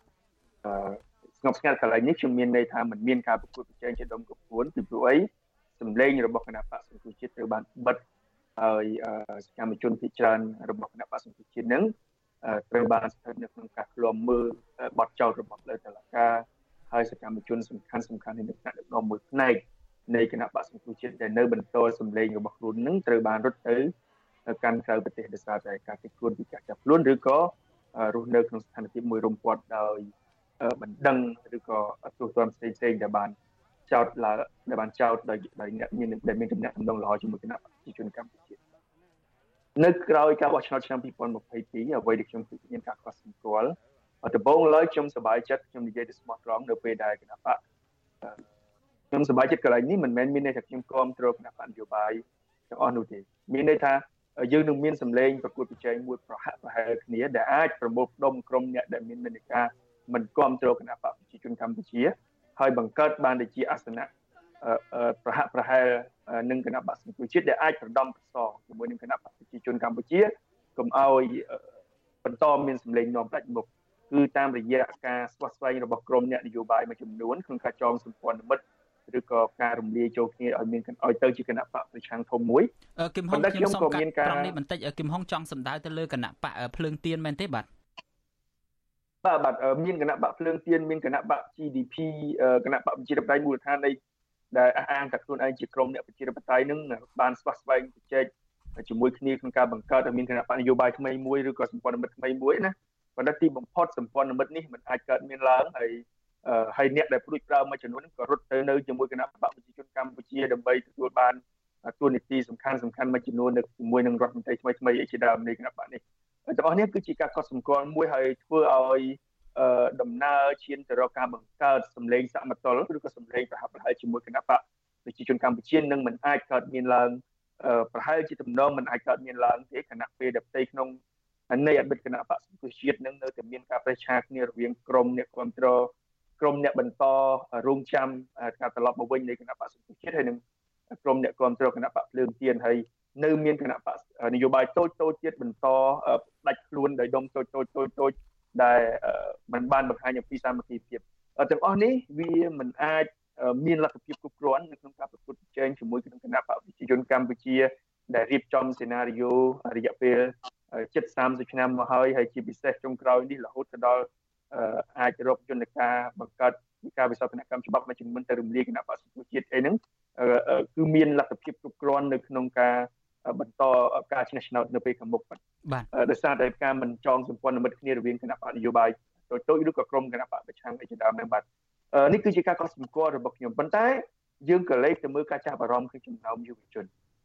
អ្វីដែលខ្ញុំធ្វើការសង្កេតយើងដឹងហើយថា កម្ពុជាមានយុវជន3ភាគ2ភាគ3នៃប្រជាជនសំទុះកម្ពុជាមានប្រជាជនវ័យក្មេង2ភាគ3នៃប្រជាជនសរុបហើយក្នុងនោះនៅអ្នកដែលមានឈ្មោះនៅក្នុងបញ្ជីឈ្មោះបោះឆ្នោតប្រមាណជាជាង30%គឺជាយុវជនបានន័យថាយុវជនគឺជាតំណាងឲ្យ1ភាគ3នៃអ្នកមានសិទ្ធិបោះឆ្នោតបាទហើយ2ភាគ3នៃប្រជាជនកម្ពុជាប៉ុន្តែផ្ទុយទៅវិញយើងឃើញថាឱកាសរបស់យុវជននៅក្នុងការឈរឈ្មោះជាតំណាងរាស្ត្រហ្នឹង ហាក់បីដូចជាមិនទាន់មានឬក៏វត្តមានយុវជនកន្លងមកនឹងចូលរួមទៅក្នុងការជាប់ឆ្នោតការជាតំណាងរាស្ត្រអីក៏អត់មានដែរដែលយើងធ្វើឲ្យបាត់សម្លេងយុវជនខណៈពេលដែលបច្ចុប្បន្ននេះយុវជនមួយចំនួនហាក់បីដូចជាមិនទៅមានជំនឿទៅលើប្រព័ន្ធនៃការបោះឆ្នោតជាពិសេសបញ្ញត្តិនៃច្បាប់ទាំងឡាយណាដែលបន្តមានធរមានតាក់ទងជាមួយនឹងសិទ្ធិនៃការរំលាយគណៈបកនយោបាយឬក៏ការហាមប្រាមបុគ្គលមួយចំនួនមិនឲ្យធ្វើនយោបាយជាដើមហ្នឹងពីព្រោះអីបើសិនជា ថ្ងៃណាមួយមានគណៈបកនយោបាយណាដែលមានសមត្ថភាពឬក៏លទ្ធភាពប្រកួតប្រជែងជាមួយនឹងគណៈបកកណ្ដាលអំណាចគណៈបកកណ្ដាលអំណាចឬក៏ហានិភ័យនៃការប្រើប្រាស់ច្បាប់ទាំងអស់នោះយកមករំលាយយកមកដាក់បំរាមនយោបាយអាចកើតឡើងជាយថាហេតុនៅពេលណាមួយខ្ញុំជឿថានេះគឺជាអ្វីដែលជាការរៀបចំផ្នែកមួយចំនួនគណៈពេលដែលយុវជនខ្ញុំសង្កេតឃើញថាយុវជនមួយមិនសូវចាប់អារម្មណ៍ទៅលើបញ្ហានយោបាយប្រមាណទេ អាចមានកត្តាពីរទី1កត្តាកត្តាគេហៅថាមិនមិនឃើញមានការប្រកួតប្រជែងគ្រប់គ្រាន់និងកត្តាទី2គឺកត្តាអឺដែលកើតឡើងអំពីអ្វីដែលដែល TI បានលើកឡើងពីកណ្ដាលរបាយការណ៍របស់អង្គការសម្រាប់ភាពកម្ពុជាអញ្ចឹងដោយសារតែការគម្រាមកំហែងការដាក់សម្ពាធនឹងប្រព័ន្ធប្រពៃណីរដ្ឋបတ်សិទ្ធិសេរីភាពតាមរយៈគ្រួសារអីជាដើមនឹងដែលធ្វើឲ្យយុវជនមិនមិនខ្លាចបារម្ភនៅក្នុងការចូលរួមបោះឆ្នោតហើយ នៅក្នុងសង្គមប្រជាធិបតេយ្យគេចូលចិត្តដែរឲ្យយុវជនភ័យខ្លាចបែបហ្នឹងហើយបើកណាយុវជនភ័យខ្លាចបែបហ្នឹងយុវជនអត់ហ៊ានចូលរួមយុវជនព្រួយបារម្ភគឺជាឱកាសរបស់ពួកប្រជាការគឺជាឱកាសរបស់ពួកអ្នកដែលចង់ក្តោបក្តាប់អំណាចហ្នឹងគេគេអាចធ្វើការងារផ្សេងផ្សេងបានល្អមែនទែនជាពិសេសគេអាចពង្ពួកឬក៏គេអាចប្រើយន្តការផ្សេងផ្សេងទៅជំរុញឲ្យមានការបោះឆ្នោតមួយដែលមិនកើតឡើងពីផ្លូវចិត្ត ពីការសម្រេចចិត្តរបស់ពលរដ្ឋបាទអរគុណកំហុងដែលបានធ្វើការកត់សម្គាល់ច្រើនចំណុចតាក់ទងទៅនឹងស្ថានភាពនយោបាយនៅមុនការបោះឆ្នោតនេះយើងឃើញថាមានការចាប់ចងមានការចោទប្រកាន់ច្រើនទៅលើសកម្មជននយោបាយជាពិសេសទៅលើសកម្មជនគណៈបកប្រឆាំងនឹងហើយលោកអ្នកនាងជាទីមេត្រីលោកអ្នកនាងកំពុងតែតាមដានការផ្សាយរបស់ Vithu RZ Series នៅតាមបណ្ដាញសង្គម Facebook YouTube ហើយនិងបណ្ដាញប្រព័ន្ធរលកធាតុអាកាសខ្លីឬមួយក៏ Shortwave ហើយប្រសិនបើលោកអ្នកនាងមានសំណួរឬមួយក៏ចង់បញ្ចេញមតិយោបល់នៅក្នុងកម្មវិធីវេទិកាអ្នកស្ដាប់វិទ្យុអាស៊ីសេរីនេះសូមលោកអ្នកនាងដាក់លេខទូរស័ព្ទ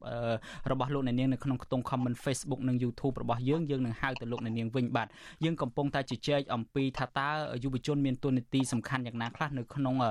កិច្ចការងារនយោបាយនិងការបោះឆ្នោតជ្រើសតាំងតំណាងរាស្ត្រនីតិកាលទី7នេះខ្ញុំចង់ងាកមកចាប់អារម្មណ៍ទៅនឹងចំណុចមួយដែលកំហុងលើកឡើងតាក់ទងទៅនឹងថាមានកត្តាមួយគឺផ្ដើមចេញពីរឿងគ្រួសារដែរសង្គមគ្រួសារដែរដែលមិនលើកទឹកចិត្តដល់យុវជននៅក្នុងការចូលរួមក្នុងកិច្ចការងារនយោបាយហើយនឹងកិច្ចការងារដែលពាក់ព័ន្ធទៅនឹងរឿងសង្គមអីផ្សេងផ្សេងសំណួរនេះចង់ជូនទៅកញ្ញាហេកឹមសួរវិញកឹមសួរជាយុវនារីផងហើយនៅកំពុងតែរៀនផងប៉ុន្តែតាមខ្ញុំដឹងគឺមានការលើកទឹកចិត្តច្រើនពីគ្រួសារខ្ញុំចង់ឲ្យកឹមសួរផ្ដល់ជាបទពិសោធន៍បន្តិចត្រង់ចំណុចនេះថាតើគ្រួសាររបស់កឹមសួរលើកទឹកចិត្តប្អូនយ៉ាងម៉េចនៅក្នុងការចូលរួមក្នុងរឿងនយោបាយតាមដានរឿងសង្គមអីសពបែបយ៉ាងនេះបាទ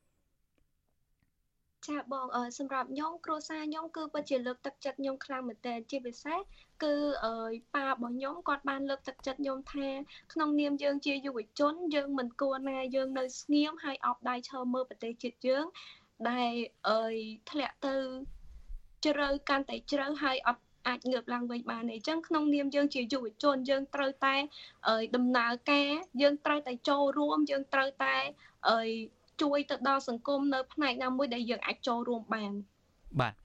បងអូនអាចរំលឹកចំណុចអ្វីខ្លះដែលបងអូនកន្លងមកបានចូលរួមបានធ្វើហើយនឹងតាក់ទងទៅនឹងរឿងសង្គមនយោបាយរឿងអីនេះបាទថាតើបងអូនអាចចែករំលែកសកម្មភាពអ្វីខ្លះដែលបងអូនបានធ្វើកន្លងមកហើយនឹងបន្តធ្វើទៀតនៅពេលខាងមុខនោះបាទចាបងអើខ្ញុំបានធ្វើជាអ្នកអង្កេតការបោះឆ្នោតនៅកាលពីបោះឆ្នោតឃុំសង្កាត់ឆ្នាំ2022នេះគឺខ្ញុំឃើញមាន ការរំលោភបំពានច្រើនហើយអើយមានការបិទសិទ្ធិសេរីភាព ការបង្ខិតបង្ខំអីច្រើនខ្លាំងមែនទែនប៉ុន្តែផ្ទុយមកវិញ គឺប៉ាខ្ញុំបានលើកទឹកចិត្តខ្ញុំថាអស់ទាំងនឹងហើយដែលកូនបានឃើញអញ្ចឹងកូនគួរតែចូលរួមដើម្បីសង្គ្រោះប្រទេសជាតិយើងដើម្បីឲ្យប្រទេសជាតិយើងបានរួចផុតពីការគៀបសង្កត់អស់ទាំងនឹងបាទ អូខេអរគុណគឹមសួរ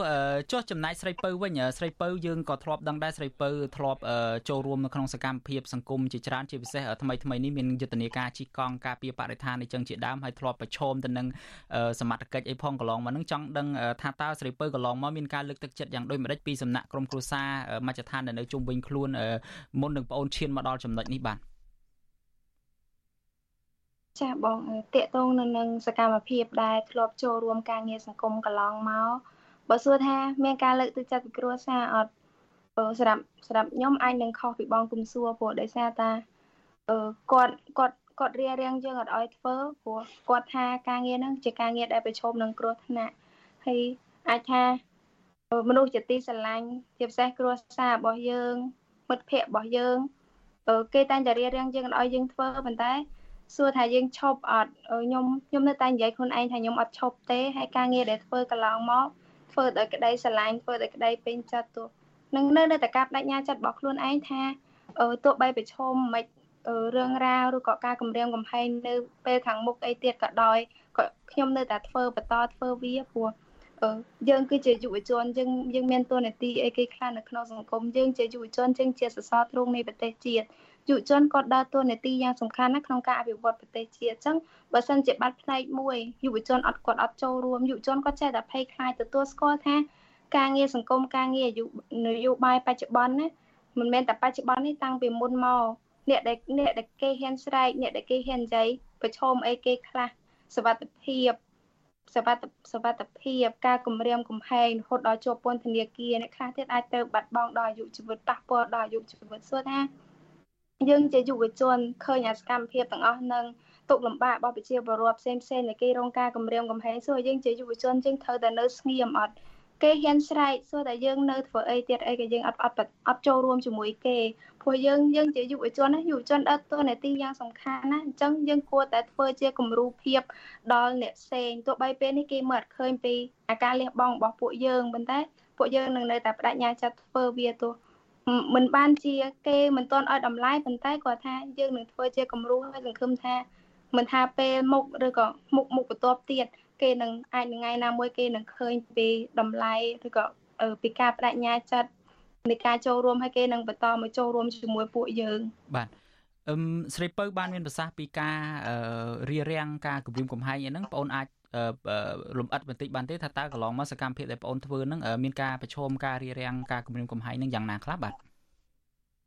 ចាបងតាកតងទៅនឹងសកម្មភាពដែលទទួលការគម្រាមកំហែងពីសំណាក់សំណាក់អាជ្ញាធរអីផ្សេងផ្សេងហ្នឹងវាមានច្រើនយើងចោះសហគមន៍អញ្ចឹងយើងយើងមានសិទ្ធយើងយើងមានសិទ្ធនៅតែដល់ពេលដែលពេលយើងចូលទៅសួរថាអាការរៀបរៀងរបស់យើងមិនកម្មមករៀបរៀងរបស់យើងបំបិតសិទ្ធិសេរីភាពរបស់យើង សួរថាអាអាការដែលមកបំបត្តិសិទ្ធិសេរីភាពរបស់យើងគ្រាន់តែយើងដល់ហើនៅក្នុងប្រទេសរបស់ខ្លួនឯងមកបំបត្តិសិទ្ធិសេរីភាពរបស់យើងសួរថាអាសកម្មភាពទាំងអស់ហ្នឹងធ្វើឲ្យយើងជាយុវជនមិនថាទាំងយើងធ្លាប់ចូលឬក៏យុវជនថ្មីថ្មីដែលគាត់ធ្លាប់គាត់ធ្លាប់តែចូលទេប៉ុន្តែអាសកម្មភាពហ្នឹងគឺតែសម្ញែងឲ្យដឹងថាស្ថានភាពសង្គមយើងមិនគ្រាន់តែយើងដើរហើរក្នុងប្រទេសរបស់ខ្លួនឯងហេតុអីក៏មកគៀបសង្កត់របស់យើង ការដាក់ញត្តិ ការធ្វើយុទ្ធនាការផ្សេងផ្សេងពួកយើងធ្វើតើថាមិនក៏ពួកយើងអត់សូមច្បាប់គ្រាន់តែការចែកខិត្តប័ណ្ណពេលខ្លះទៀតណាពេលខ្លះទៀតក៏សួរតែងតែសួរខ្លួនឯងថាអឺអាសំណួរឈួតឡប់របស់ខ្ញុំវាតែងតែផុសនៅក្នុងខ្លួនរបស់ខ្ញុំណាថាខ្ញុំធ្វើនឹងខុសមែនហើយខ្ញុំតែងតែជាយាមស្វែងយល់រកយោបល់ពីអ្នកមុនមុនតែខ្ញុំគិតថាវាមិនមែនជាការខុសផងខ្ញុំប្រើប្រាស់សិទ្ធិរបស់ខ្ញុំក្នុងការធ្វើព្រោះខ្ញុំស្រឡាញ់បើបើសិនជា វាអត់មានផលប៉ះពាល់បើសិនជាការប្រវត្តិរាល់ថ្ងៃហ្នឹងវាល្អហើយមិនមែនប្រជាពលរដ្ឋគាត់ព្យាយាមស្រែកហើយធ្វើទុកបុកម្នេញដល់ប្រជាពលរដ្ឋទេអញ្ចឹងការគម្រាមកំហែងវាមានច្រើនមែនទែនប៉ុន្តែសួរថាការគម្រាមកំហែងនឹងធ្វើឲ្យយើងភ័យខ្លាចអត់ធ្វើឲ្យយើងបាក់ស្បាតអត់អត់ទេសម្រាប់ខ្ញុំវាធ្វើឲ្យខ្ញុំកាន់តែរឹងមាំបន្ថែមទៀតក្នុងការបន្តធ្វើអាការងារនេះបន្តទៅទៀតស្ដាប់ទៅដូចជាស្រីពៅជាអ្នកសរៀបមែនទេបាទសំឡេងនេះបាទ ចាបងខ្ញុំអ្នកសៀមរាបបាទអរគុណច្រើនបាទលោកអ្នកនាងជាទីមេត្រីសម្រាប់លោកអ្នកនាងដែលកំពុងតាមដានការផ្សាយរបស់វិទ្យុអាស៊ីសេរីតាមរយៈរលកធាតុអាកាសខ្លីឬមួយក៏ short wave នោះនៅម៉ោង8កន្លះបន្តិចទៀតនេះលោកអ្នកនាងនឹងមិនលឺការផ្សាយរបស់យើងទៀតទេក៏ប៉ុន្តែសម្រាប់លោកអ្នកនាងដែលតាមដាននៅតាមបណ្ដាញសង្គម Facebook និង YouTube សូមបន្តជាមួយយើងតទៅទៀតយើងមានសំណួរពីអ្នកស្ដាប់មួយរូបគាត់បានដាក់សំណួរនៅក្នុង បណ្ដាញសង្គម Facebook មកថាតើការចូលរួមរបស់យុវជននៅក្នុងស្ថានភាពបែបនេះវាស័ក្តិសមដែរឬទេគាត់ចង់សម្ដៅថានៅក្នុងស្ថានភាពមួយដែលគោជបនេះគឺថាសុទ្ធសឹងតែជាមនុស្សដែលចេញមកពីគណៈបកប្រជាជនកម្ពុជាមានន័យថាជាគណៈបកកណ្ដាលអំណាចគឺសម្ដៅទៅលើឯករាជ្យភាពរបស់គោជបនឹងឯងថាតើយុវជនសមទេដែលចូលរួមក្នុងសកម្មភាពនយោបាយឬមួយក៏ការបោះឆ្នោតអីនៅក្នុងពេលដែលស្ថាប័នរៀបចំការបោះឆ្នោតនឹងកង្វះឯករាជ្យនោះបាទសូមជូនសំណួរនេះទៅលោកកំហុងបាទបាទមុននឹងឆ្លើយសំណួរនេះខ្ញុំខ្ញុំខ្ញុំនៅចាំពាក្យបងស្រីម្នាក់ដែលគាត់ចូលរួមជិះកង់ជាមួយខ្ញុំណាបាទគាត់ជិះកង់ជិះកង់ពីសៀមរាបថ្មីថ្មីនេះគឺយើងរៀបចំយុទ្ធនាការជិះកង់ដើម្បីសិទ្ធិមនុស្សពីសៀមរាបមកភ្នំពេញអឺគាត់ប្រាប់ខ្ញុំនៅពេលដែលយើងធ្វើការឆ្លងប្រចាំគាត់ប្រាប់ថាបងដំបងខ្ញុំជិះមួយថ្ងៃដំបងវាចង់បោះបង់ចោលនៃការជិះកង់តែកង់ប៉ុន្តែបុព្វហេតុមួយ ដែលធ្វើឲ្យគាត់បន្តការជិះកង់នោះទៀតដោយសារគាត់យល់ថាយើងគាត់តែជិះកង់ហត់នឿយពីព្រោះហេតុអីបានជាបោះចោលប៉ុន្តែបុព្វហេតុនៃការតស៊ូដើម្បីសិទ្ធិមនុស្សមិនមែនធ្វើឡើងត្រឹមតែមួយថ្ងៃទេហើយមិនមែនគ្រាន់តែធ្វើឡើងអ្នកខ្លះគាត់មិនត្រឹមតែលះបង់ត្រឹមតែកម្លាំងពលកម្មកម្លាំងកាយកម្លាំងចិត្តបានមានមនុស្សជាច្រើនបានលះបង់នៃជីវិតដើម្បីបុព្វហេតុនៃសិទ្ធិដូច្នេះយើងបានឆ្លុះប្រចាំមកវិញ នៅក្នុងកលៈទេសៈណាក៏ដោយទោះបីជាកម្ពុជាយើងគិតថាប្រទេសកម្ពុជាមិនទាន់មានភាពមិនទាន់ផ្ដល់លំហសិទ្ធិសេរីភាពឲ្យយើងគ្រប់គ្រាន់នៅក្នុងការអនុវត្តសិទ្ធិមនុស្សទាំង5ចំណុចក៏ដោយសិទ្ធិពលរដ្ឋផ្សេងផ្សេងដែលបានកំណត់ដោយរដ្ឋធម្មនុញ្ញប៉ុន្តែក្នុងនាមពួកយើងជាម្ចាស់ប្រទេសក្នុងនាមពួកយើងជាម្ចាស់ម្ចាស់ប្រទេសយើងមិនអាចអស់សង្ឃឹមបានទេបាទពីព្រោះអីគេចង់ឲ្យយើងអស់សង្ឃឹមនឹងឯងមនុស្សគេចង់ឲ្យគេចង់ឲ្យយើងអស់សង្ឃឹមដើម្បីងាយស្រួលនៅក្នុងការគេគ្រប់គ្រង ប៉ុន្តែបើសិនជាយើងជាពលរដ្ឋយើងជាយុវជនយើងត្រូវតាំងចិត្តឲ្យខ្លាំងយើងត្រូវតាំងចិត្តឲ្យមាំបន្តការបញ្ញាចិត្តនៃការអនុវត្តសិទ្ធិសេរីភាពរបស់យើងឲ្យបានល្អប្រសើរបន្តបើគេមិនចង់ឲ្យយើងស្វែងយល់អំពីបញ្ហានយោបាយយើងត្រូវតែបន្តស្វែងយល់ពីព្រោះបញ្ហានយោបាយជាបញ្ហារបស់យើងគេរៀបរៀងមិនឲ្យយើងអនុវត្តសិទ្ធិពលរដ្ឋយើងត្រូវតែបន្តសិទ្ធិពលរដ្ឋពីព្រោះអីបញ្ហាទាំងអស់នោះជាសិទ្ធិរបស់យើងដែលបានកំណត់ដោយរដ្ឋធម្មនុញ្ញមិនមែនកំណត់ដោយបុគ្គលទាំងអស់នោះទេ គេគ្រាន់តែចង់រឹតបន្តឹងសិទ្ធិសេរីភាពរបស់យើងដើម្បីឲ្យគេមានឱកាសនៅក្នុងការគ្រប់គ្រងសង្គមមួយដោយមិនមានការឬបំរាស់ឬក៏មិនមានការអនុវត្តសិទ្ធិសេរីភាពផ្ទុយអំពីគេប៉ុន្តែក្នុងនាមយើងជាពលរដ្ឋយើងត្រូវបន្តអនុវត្តបើសិនជាយើងឃើញថាខុសយើងត្រូវតែថាខុសបើសិនជាយើងមានក្តីកង្វល់យើងត្រូវតែនិយាយពលរដ្ឋមិនអាចអស់សង្ឃឹមនៅក្នុងការការមិនពលរដ្ឋមិនត្រូវអស់សង្ឃឹមនៅក្នុងការចូលរួមអភិវឌ្ឍ និងទាមទារសិទ្ធិសេរីភាពនិងការពារសិទ្ធិសេរីភាពរបស់ខ្លួនទេដរាបណាយើងនៅតែជាពលរដ្ឋរបស់សង្គមមួយបើយើងអស់សង្ឃឹមនោះមានន័យថាយើងចុះចាញ់ហើយសង្គមរបស់យើងនឹងខ្លាយទៅជាការគ្រប់គ្រងរបស់ពួកគេប៉ុន្តែនៅក្នុងសង្គមប្រជាធិបតេយ្យទូនីតិរបស់ពួកយើងគឺត្រូវតែបន្តពីព្រោះអីសង្គមនេះមិនមែនសម្រាប់ត្រឹមតែពួកយើងទេសង្គមនេះគឺសម្រាប់ប្រជាជនកម្ពុជាទៅខាងទៅចំនួនក្រោយទៀតសង្គមនេះមិនមែនសម្រាប់តែពួកមេដឹកនាំប្រមាណអ្នកនឹងទេ គឺជាសង្គមសម្រាប់មនុស្ស16លានអ្នកដែលរស់នៅជុំគ្នាក្នុងនាមប្រជាជនកម្ពុជាដែលមានសិទ្ធិជាម្ចាស់ប្រទេសការពារនៅបុព្វការពារនៅនៅមរតកប្រវត្តិដែលបន្សល់ទុកពីបុរាណហើយត្រូវការពារនឹងនឹងនឹងនឹងជំរុញភាពសកម្មដើម្បីជំរុញឲ្យអនាគតមនុស្សជំនាន់ក្រោយអាចទទួលបានសិទ្ធិសេរីភាពពេញលេញ